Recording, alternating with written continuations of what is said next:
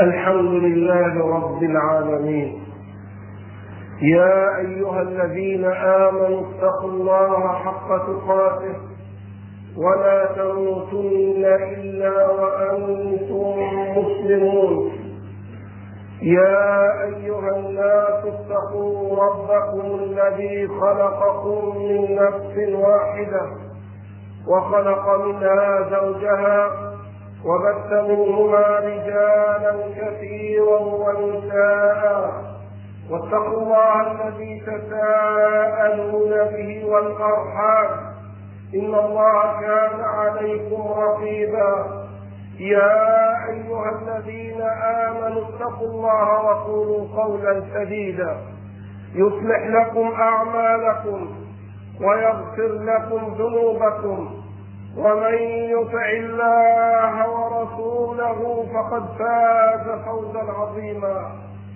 وأشهد أن لا إله إلا الله وحده لا شريك له هو رب الطيبين وخالق الخلق أجمعين ورازقهم فما من دابة في الأرض إلا على الله رزقها ويعلم مستقرها ومستودعها كل في كتاب مبين.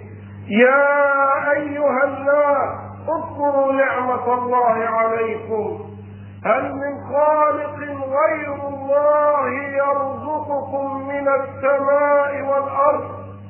لا إله إلا هو فأنى تؤفكون وأشهد أن نبينا محمدا صلى الله عليه وسلم عبد الله ورسوله وصفيه من خلقه وخليله. بلغ رسالة ربه وأدى الأمانة ونصح الأمة وجاهد في الله حق جهاده حتى أتاه اليقين. اللهم صل على محمد وعلى آل محمد كما صليت على إبراهيم وعلى آل إبراهيم إنك حميد مجيد. اللهم بارك على محمد وعلى آل محمد كما باركت على إبراهيم وعلى آل إبراهيم إنك حميد مجيد. أما بعد فيا خير أمة أخرجت للناس.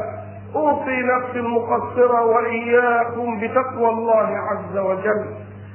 التي هي وصية الله لنا ولمن كانوا قبلنا. ولقد وصينا الذين أوتوا الكتاب من قبلكم وإياكم أن اتقوا الله. وبعد عباد الله ما زلنا نواصل حديثنا عن القدوة الطيبة والأسوة الحسنة. وقد من الله سبحانه وتعالى علينا بأن تدارسنا معا دروسا. نسأل الله عز وجل أن ينفعنا بها وأن ننفع بها عباد الله. إنه ولي ذلك والقادر عليه. ونسأله سبحانه وتعالى أن يجعل ما نقوله وما نسمعه حجة لنا يوم القيامة. ولا يجعله حجة علينا. عباد الله انتهينا من بعض الدروس التي استفدناها من الشيخين الجليلين. أفضل الأمة بعد النبي صلى الله عليه وسلم أبي بكر وعمر رضي الله عنهما وعن سائر صحابته صلى الله عليه وسلم. واليوم نتحدث عن أمير المؤمنين أبي عمرو أبي عبد الله عثمان بن عفان القرشي الأموي رفيق النبي صلى الله عليه وسلم في الجنة الخليفة المفترى عليه. نأخذ منه من خلال أموره في حياته. نتعلم منه درسا. طالما احتاجت الأمة إلى هذا الدرس. وكم هي في حاجة إليه؟ إي والله. خلق طيب جميل. اتصف به أمير المؤمنين عثمان بن عفان. رضي الله تعالى عنه. شهد له النبي صلى الله عليه وسلم به. هذا الخلق عباد الله انسلخت الأمة منه تماما في زماننا هذا إلا ما رحم الله وقليل ما أظنكم قد عرفتم ما هو هذا الخلق. إنه خلق الحياة. الحياة الذي لما انسلخ من الأمة وجدنا الصغير فيها أصبح لا يوقر الكبير والكبير فيها أصبح لا يرحم الصغير. وأما عن نساء الأمة وفتياتها تجاه هذا الخلق فحدث ولا حرج فأول من سلك هذا الخلق خلق الحياة انسلخ من نساء هذه الأمة. إي والله. انسلخ من نسائها إلا ما رحم الله عز وجل. إذا لم تخش عاقبة الليالي ولم تستحي فاصنع ما تشاء. يعيش المرء ما استحيا بخير ويبقى العود ما بقي اللحاء. فلا والله ما في العيش خير ولا الدنيا إذا ذهب الحياة فلا والله ما في العيش خير ولا الدنيا إذا ذهب الحياة فالحياة والإيمان قرنا قرينا. إذا ذهب أحدهما ذهب الآخر. ولذلك تجد أكثر الناس إما ضعيف الإيمان أو لا إيمان عنده. أو لا إيمان عنده. ثبت في صحيح مسلم عباد الله من حديث أمنا عائشة رضي الله تعالى عنها أنها قالت استأذن أبو بكر رضي الله عنه والنبي صلى الله عليه وسلم مضجع كاشف عن ساقيه فأذن له ولم يهتش له أي لم يقابله بطلاقة وجه. كما على حالته التي هو عليها صلى الله عليه وسلم. فدخل عمر بن الخطاب استأذن فكان على حالته التي كان عليها. فاستأذن أمير المؤمنين عثمان بن عفان رضي الله تعالى عنه. فلما علم النبي صلى الله عليه وسلم أن المستأذن هو عثمان قام واعتدل وهيأ من نفسه وجثته فلما خرجوا قالت أمنا عائشة رضي الله تعالى عنها للنبي عليه الصلاة والسلام يا رسول الله دخل أبو بكر فلم تهتش له وبقيت على حالك. وكذلك فعلت مع عمر فلما دخل عثمان اعتدلت وسويت ثيابك. فقال لها يا عائشة أما أستحي من رجل تستحي منه الملائكة؟ أما أستحي من رجل تستحي منه الملائكة.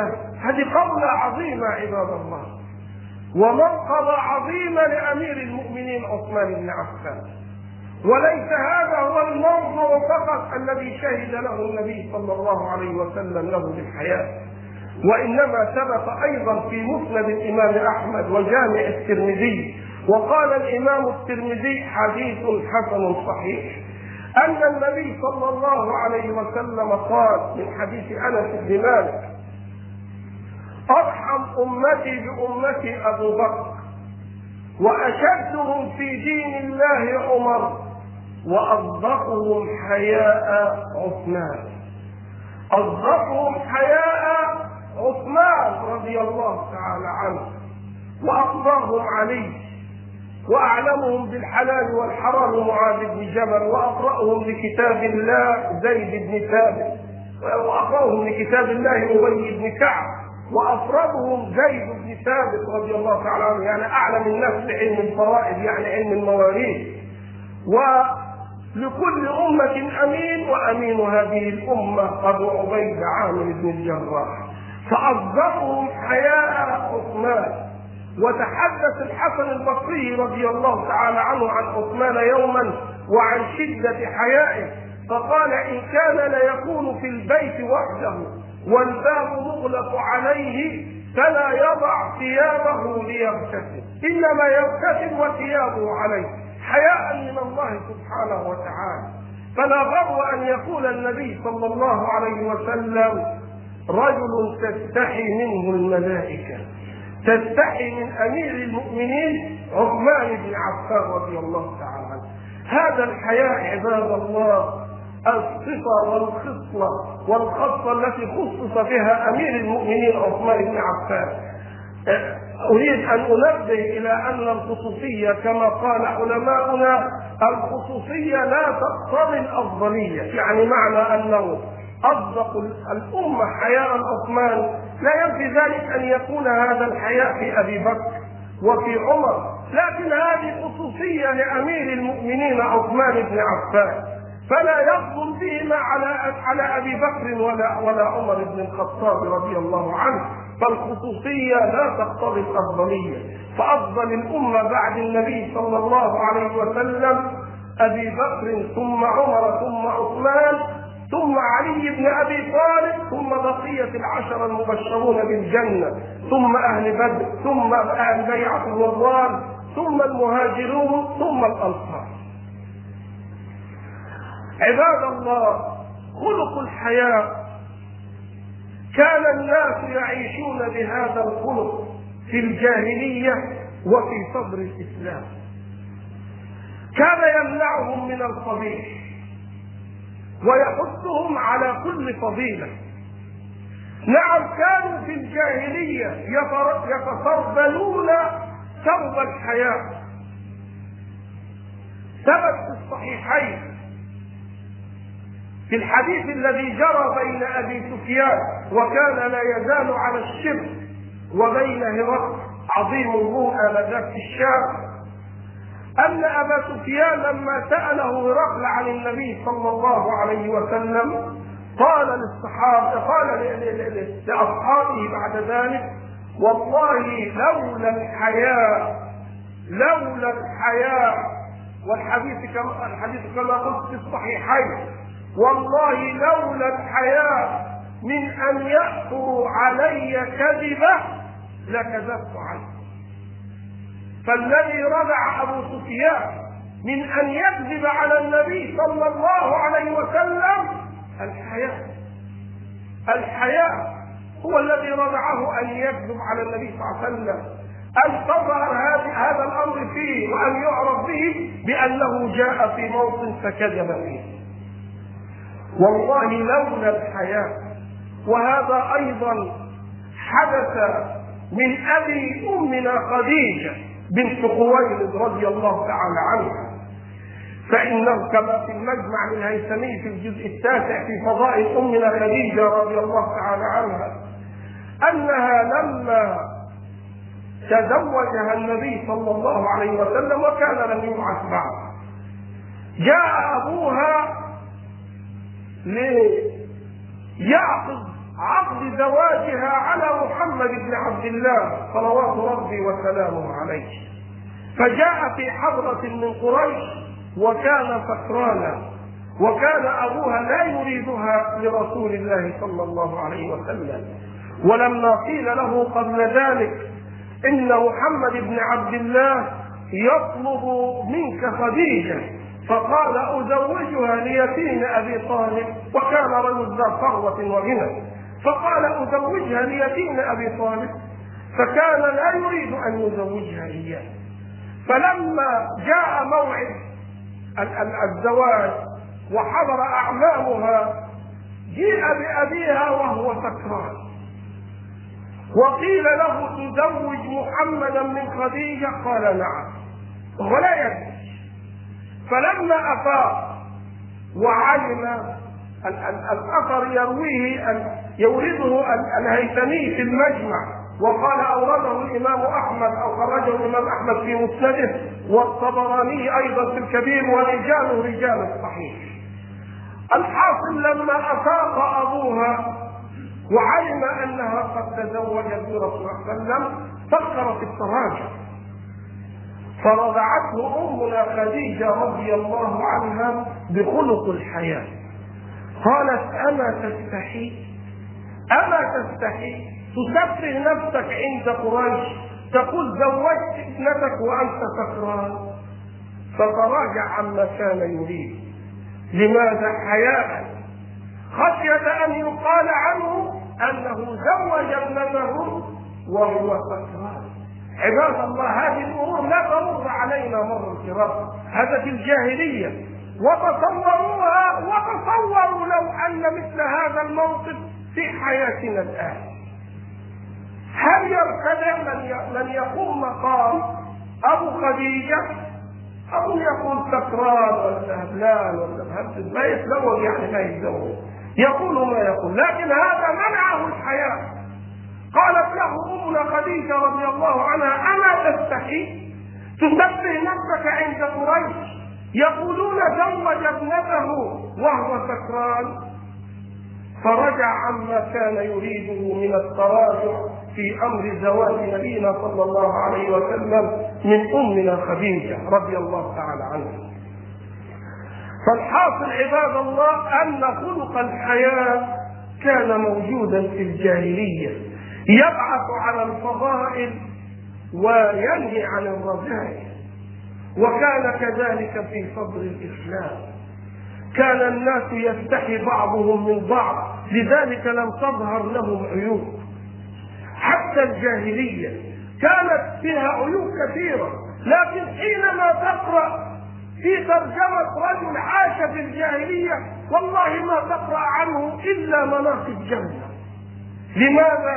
لأنه لما تقبل بهذا الخلق تعامى الناس عن عيوبه وهكذا كل من يتصف بصفة الحياة يتعامى الناس عن عيوبه. وكذلك كان في صدر الإسلام لما تصرفوا بهذا الخلق ما ظهرت لهم عيوب بعضهم لبعض. ولذلك قال من قال من السلف رضي الله عنهم أجمعين كان الناس يتعاملون في صدر الإسلام بالدين. يتعاملون بالدين. فلما رق الدين تعاملوا بالوفاء. بالوفاء. فلما ذهب الوفاء تعاملوا بالمروءة. المروءة التي هي كمال النفس التي يتطلع كل واحد من خلال أفعالها أن تكون نفسه كاملة. ولذلك في بعض معانيها الرجولية الكاملة بالمروءة تعاملوا بذلك. والمروءة الآن لا وجود لها بين الناس. وصدق من قال مررت على المروءة وهي تبكي فقلت على ما تنسحب الفتاة فقالت كيف لا أبكي وخلقي أو أهلي جميعا دون خلق الله مات كيف لا أبكي وأهلي جميعا دون خلق الله مات والله إن علماءنا صنفوا كتب في المروءة وصلت خوارم المروءة إلى ما يقرب من 200 خارج أو يزيد. خارج المروءة والله إني لأجد في نفسي أنا الكثير من هذه الخوارم. فضلا عما أراه في الناس. انتشرت خوارم المروءة فينا عباد الله. فما منا إلا وهو مخدوش نسأل الله العافية. ما منا أحد إلا وهو مخدوش فيه خارم أو خارمين أو عشرة أو عشرين أو ما يزيد على ذلك. تعامل الناس بالدين في صدر الإسلام. فلما وصى الدين تعاملوا بالوفاء. فلما ذهب الوفاء تعاملوا بالمروءة. فلما ضاعت المروءة تعاملوا بالحياء فلما ذهب الحياء تعامل الناس رغبة ورهبة. والله كأنه يقول هذا لعصرنا نحن. تعامل الناس الآن الناس لا يتعاملون بالدين. اوعى تظن أن أفتري والله ما أفتري. إنه ليأتيني الرجل والمرأة ظاهرهما الصلاح. حدث بينهما خلاف لا يعرفون لله شرعا وكل منهم يريد أن ينتقم من الآخر باية وسيلة. حتى لو كانت هذه الوسيلة محرمة تحريما قطعيا في كتاب الله عز وجل. واذهبوا وانظروا في المحاكم وأنتم ترون ذلك. نحن لا نفتري على الناس فيما نقول. الناس الان كما قال هذا العبد الصالح. يتعاملون رغبة ورهبة إذا أردت أن أتعامل معك في مصلحة النفس أرغبك أولا فيما سيعود عليك من هذا الخير. وأرهبك أن أجعلك تمضي على شيء أكثر مما أنا أريده سأفعل معك كذا وكذا وكذا. فالناس الآن يتعاملون كما قال هذا العبد الصالح. ورضي الله عن عبد الله بن عباس. حين يقول للتابعين ذهب الناس وبقي وبقي الناس ذهب الناس وبقي النسناس قال وما النسناس قال ناس يشبهون الناس وليسوا بناس فهم من ناحية الصورة الآدمية نعم ولكن من ناحية المعاملة ليسوا بناس ليسوا بناس نسانين كما قال ابن عباس. ثم جاء بعده الحسن البصري رضي الله تعالى عنه ليقول لتابع التابعين ذهب الناس والنسناس وما بقي إلا قوم بلا إيمان. يعني الناس كنا نستأنس بهم صورتهم كصورتنا فنستأنس بهم. أما الآن نسمع أصوات لكن لا نأتنس بها. ذهب الناس والنسناس وما بقي إلا صوت بلا إيمان. كل هذا عباد الله لذهاب هذا الخلق الذي هو الحياة. خلق الحياة عباد الله. هو رأس هذا الدين الذي شرفنا الله سبحانه وتعالى به. كيف عباد الله؟ كيف استحياؤنا الآن من ربنا عز وجل؟ كيف استحياؤنا من الناس؟ كيف استحياؤنا من أنفسنا عباد الله؟ أسألكم بالله كيف حياؤنا من الله؟ سأقرأ عليك آية من كتاب الله. عير الله بها اقواما قال تعالى يستخفون من من الناس ولا يستخفون من الله. وهو معهم إذ يبيتون ما لا يرضى من القول لماذا؟ لأنهم ليس عندهم حياء من ربهم عز وجل. والله إن أمير المؤمنين عثمان بن عفان الذي تستحي منه الملائكة والذي هو أصدق هذه الأمة حياء كان يستحي من ربه وهو يغتسل كما ثابت عنه في مسند الإمام أحمد حتى أنه لا يقيم صوته حياء من ربه. وهذا أمر مشروع شرعه الله سبحانه وتعالى. لكن تدبر القرآن فعلم كما يقول الشيخ محمد الأمين الشرقيطي عليه رحمة الله في كتابه أضواء البيان علم أن أعظم واعظ نزل من السماء لأهل الأرض قول الله تعالى إذ يبيتون ما لا يرضى من القول يستخفون من الناس ولا يستخفون من الله وهو معه وهو معه تصور هذا يا عبد الله. فالله سبحانه وتعالى ناظرا والله شاهدا والله مطلع عليك ومع ذلك والله إنك لتعمل أعمالا. تستحي من الناس أن تعملها أمامهم ولا تستحي من خالق السماوات والأرض. وهو ناظر إليك. مع أن الجزاء من جنس العمل. إن استحييت من الله عز وجل أن تعصيه فإنه يستحي أن يعذبك يوم القيامة أو أن يفضحك سبحانه وتعالى فإن الله يستحي. استحياء يليق بذاته وبجلاله سبحانه وتعالى على الوجه الذي لا الذي يليق به. ليس كمثله شيء وهو السميع البصير. عباد الله ثبت عن نبينا صلى الله عليه وسلم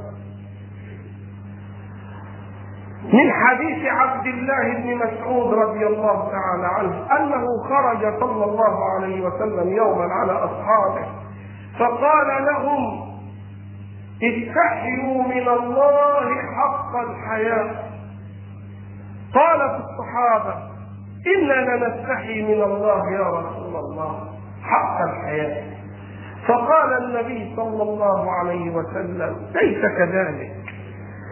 من استحى من الله حق الحياء فليحفظ الرأس وما وعى وليحفظ البطن وما حوى وليذكر الموت والزنا وليترك زينة الدنيا وينشغل بالآخرة أو كما قال عليه الصلاة والسلام. هذا هو الحياء من الله. فليحفظ الرأس وما وعى. الرأس هذه تحمل القوى الواعية المفكرة للإنسان. فلا تفكر فيما يضره لا في شرك ولا في غيره. الرأس هذه نحو العينات. هل العينات تستحيان من الله سبحانه وتعالى أن تنظر إلى المحرمات؟ هل العين تستحي من الله هل الأذن عباد الله الآن تستحي من الله سبحانه وتعالى أن تسمع ما يسخط الله عز وجل من الغناء والخنا وغير ذلك؟ هل عباد الله الفن هذا وما يحتويه من نساء؟ هل يستحي من الله أن يتكلم بالبذاءة والغيبة والنميمة؟ استحيوا من الله حق الحياة. ليحفظ الرأس وما حوى وما وعى. احفظ الرأس احفظ العينين احفظ الأذنين استحي من الله سبحانه وتعالى. أن تنظر إلى ما حرم الله سبحانه وتعالى عليك أن تنظر إليه. قل للمؤمنين يغضوا من أبصارهم ويحفظوا فروجهم. ذلك أزكى لهم. كتب على ابن آدم حظه من الزنا. مدرك ذلك لا محالة. العين تزني وزناها البصر العين تزني وزناها النظر واليد تزني وزناها اللمس الرجل حينما يصافح المرأة الأجنبية التي تحل له أو التي لا تحل له. يعني التي ليست من محارمه أما يستحي من الله ينظر إليه ويده في يدها. والنبي صلى الله عليه وسلم يقول إنا قوم لا نصافح النساء. وتقول عنه أمنا عائشة رضي الله عنها لا لا لا. والله ما مست يد رسول الله صلى الله عليه وسلم. يد امرأة قط إلا امرأة يملكها. وكان صلى الله عليه وسلم يقول لئن يضرب أحدكم بمخيط في رأسه خير له من أن يضع يده في يد امرأة لا تحل له. والناس يتصافحون. يتصافح المرأة مع الرجل. وزوجها واقف ولا غرابة عنده ولا عجب ولا ينكر ذلك. وإذا أنكر عليه من ينكر يقول إحنا بنسلم. والله قالها لي بعض المشايخ ذهبت عنده في بيته فإذا وما كنت أعلم أن هذه عادة فإذا بزوجتي تخرج وتمد يدها لي فما مددت يدي لها؟ فقال لي يا شيخ إحنا بنسلم. هذا لكنه حرام. مقطوع بحرمته. إذا كان ربنا عز وجل يقول قل للمؤمنين يغضوا يغضوا من أبصارهم. فكيف بالله؟ إذا نحن مأمورين بغض البصر فكيف ننمو؟ سبحان الله العظيم. لكن الدياسة انتشرت في الأمة عباد الله. وهذا من قلة الحياة. والله هذا لذهاب هذا الخلق. يعني النساء كيف تخرج من بيوتها عباد الله؟ كيف تخرج؟ والعجيب أن كثير من مشايخ البلد التي نعيش فيها يتكلمون عن هذا الأمر. جزاهم الله خيرا. يتكلمون عن هذا التبرج. نحن نتكلم عنه. والناس تتكلم والمشايخ والأئمة في المساجد يتكلمون عنه. ومع ذلك نجد النساء إلا ما رحم الله وقليل ما وهؤلاء أيضا المرحومون الذين نتحدث عنهم من كانت في وظيفة منهم نسأل الله العافية. والله يفعلون أفعالا لا أرضاها ولا أقبلها أبدا. منافية تماما للإسلام. ومنافية تماما لهذا المظهر الذي يظهرون به. فلنتق الله عباد الله في نسائنا ولنحسب لهذا الخلق ألف حساب. خلق الحياة. إذا لم تستحي فاصنع ما شئت. وصية الأنبياء لجميع البشر. إذا لم تستحي فاصنع ما شئت. إن مما أدرك الناس من كلام النبوة الأولى إذا لم تستحي فاصنع ما شئت. اصنع ما شئت إما أنه على سبيل الأمر الذي يفيد التهديد. اصنع ما شئت. فمآلك إلى الله وسيحاسبك الله. اصنع ما شئت على سبيل الخبر إذا لم تستحي فأنت إذا صنعت فستصنع ما تشاء. يعني يخبره. إذا سقط منك خلق الحياة فستصنع ما تشاء ولا تستحي ولا تستحي خلق الحياة عباد الله أخبر نبينا صلى الله عليه وسلم أنه شعبة من شعب الإيمان وأخبر أنه رأس الأخلاق كلها. فقال إن لكل دين خلق وخلق الإسلام الحياة. الحياة عباد الله. ليحفظ الرأس وما وعى. وليحفظ البطن وما حوى. البطن وما حوته من الفرج. احفظه لا تصب به إلا ما أباح الله عز وجل. لك ولا تدخل في هذه الفرق إلا ما أحل الله سبحانه وتعالى. وكان حلالا. وإلا والله كل ما نبت من حرام. فالنار أولى به. كل ما نبت من حرام فالنار أولى به. الحرام الآن انتشر يأكلونه الناس علنا. والله علنا. لماذا عباد الله؟ لأنهم لا حياء عندهم. عندهم قلة حياء. بل أقول انتفى الحياء كما قال هذا العبد الصالح فأصبح الناس يتعاملون رغبة ورهبة. رغبة ورهبة. يا عائشة أنا أستحي من رجل؟ تستحي منه الملائكة. أصدقهم حياء عثمان رضي الله تعالى عنه. فيا عباد الله هذا الخلق ينبغي أن ننشئ عليه أنفسنا. ينبغي أن ننشئ عليه أنفسنا. ينبغي للمسلم أن يستحي من نفسه في كل حين. يستحي من ربه يفكر في أعماله يفكر في نعم الله عليه يفكر في تقصيره في أداء شكر هذه النعم ليستحي من الله سبحانه وتعالى. فإن الله سبحانه وتعالى كما في الأثر الإلهي استحي مني عند معصيتك أستحي منك فلا أعذبك. إن الله عز وجل لا يستحي أن يعذب شيبة شابت في الإسلام. والآن شيبة شابت في الإسلام والله ما تحفظ الرأس ولا وعى من هذه الرأس هذه اللحية. يبقى سنه سبعين سنة ويشلق لحيته. بالله قال الله سبحانه وتعالى. يرغب عن خلق النبي صلى الله عليه وسلم وخلقه. فإن اللحية جاءت عن النبي صلى الله عليه وسلم جاءت عنه قولا وجاءت عنه فعلا وجاءت عنه تقريرا وأنكر صلى الله عليه وسلم على من حلقها. ومع ذلك هذا بالشيبة في الإسلام شابت رأسه في الإسلام ويحلق لحية. والنبي صلى الله عليه وسلم يقول أطلق اللحى وحفظ الشارع وهي سنن جميع الأنبياء والمرسلين. جميع الأنبياء والمرسلين كانوا من ذوي اللحى أين حفظ الرأس وما وعى؟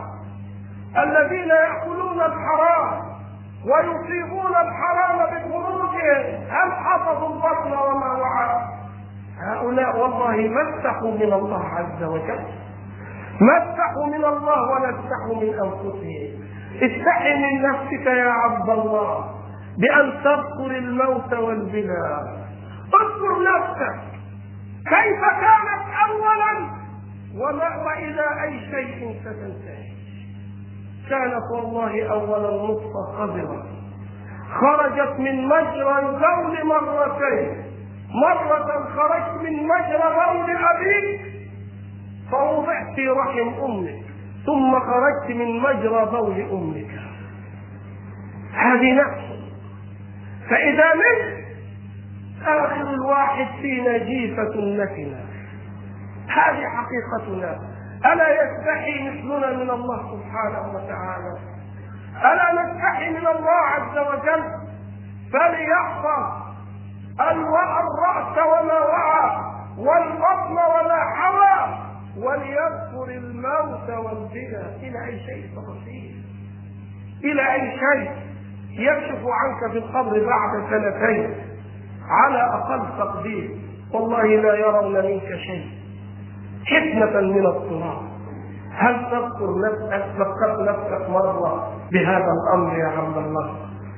حتى تستحي من ربك ومن أعمالك التي تفعلها أمام الله سبحانه وتعالى. تستخفي من الناس ولا تستخفي من الله عز وجل. والله سبحانه وتعالى علم نبيه صلى الله عليه وسلم هذا الخلق ومن به عليه. فكان نبينا صلى الله عليه وسلم أشد من العذراء في خد... أشد حياء من العذراء في خدرها. في خدرها. أشد حياء من العذراء البكر التي لا تعرف الشارع لا تعرف الطريق كانت عنده. ما تخرج أبدا إلا إلى بيت زوجها. فقط. هذه العواطف المقصورات في أماكنها كانت تكون شديدة في الحياة. لا يمكن أبدا أن ترفع وجهها في رجل أجنبي فضلا عن غيره قريب لها أو غير ذلك. كان نبينا صلى الله عليه وسلم أشد حياء من العذراء في خدرها فنسأل الله سبحانه وتعالى أن يمن علينا ويرزقنا هذا الخلق. إنه ولي ذلك والقادر عليه. أقول هذا القول وأستغفر الله لي ولكم.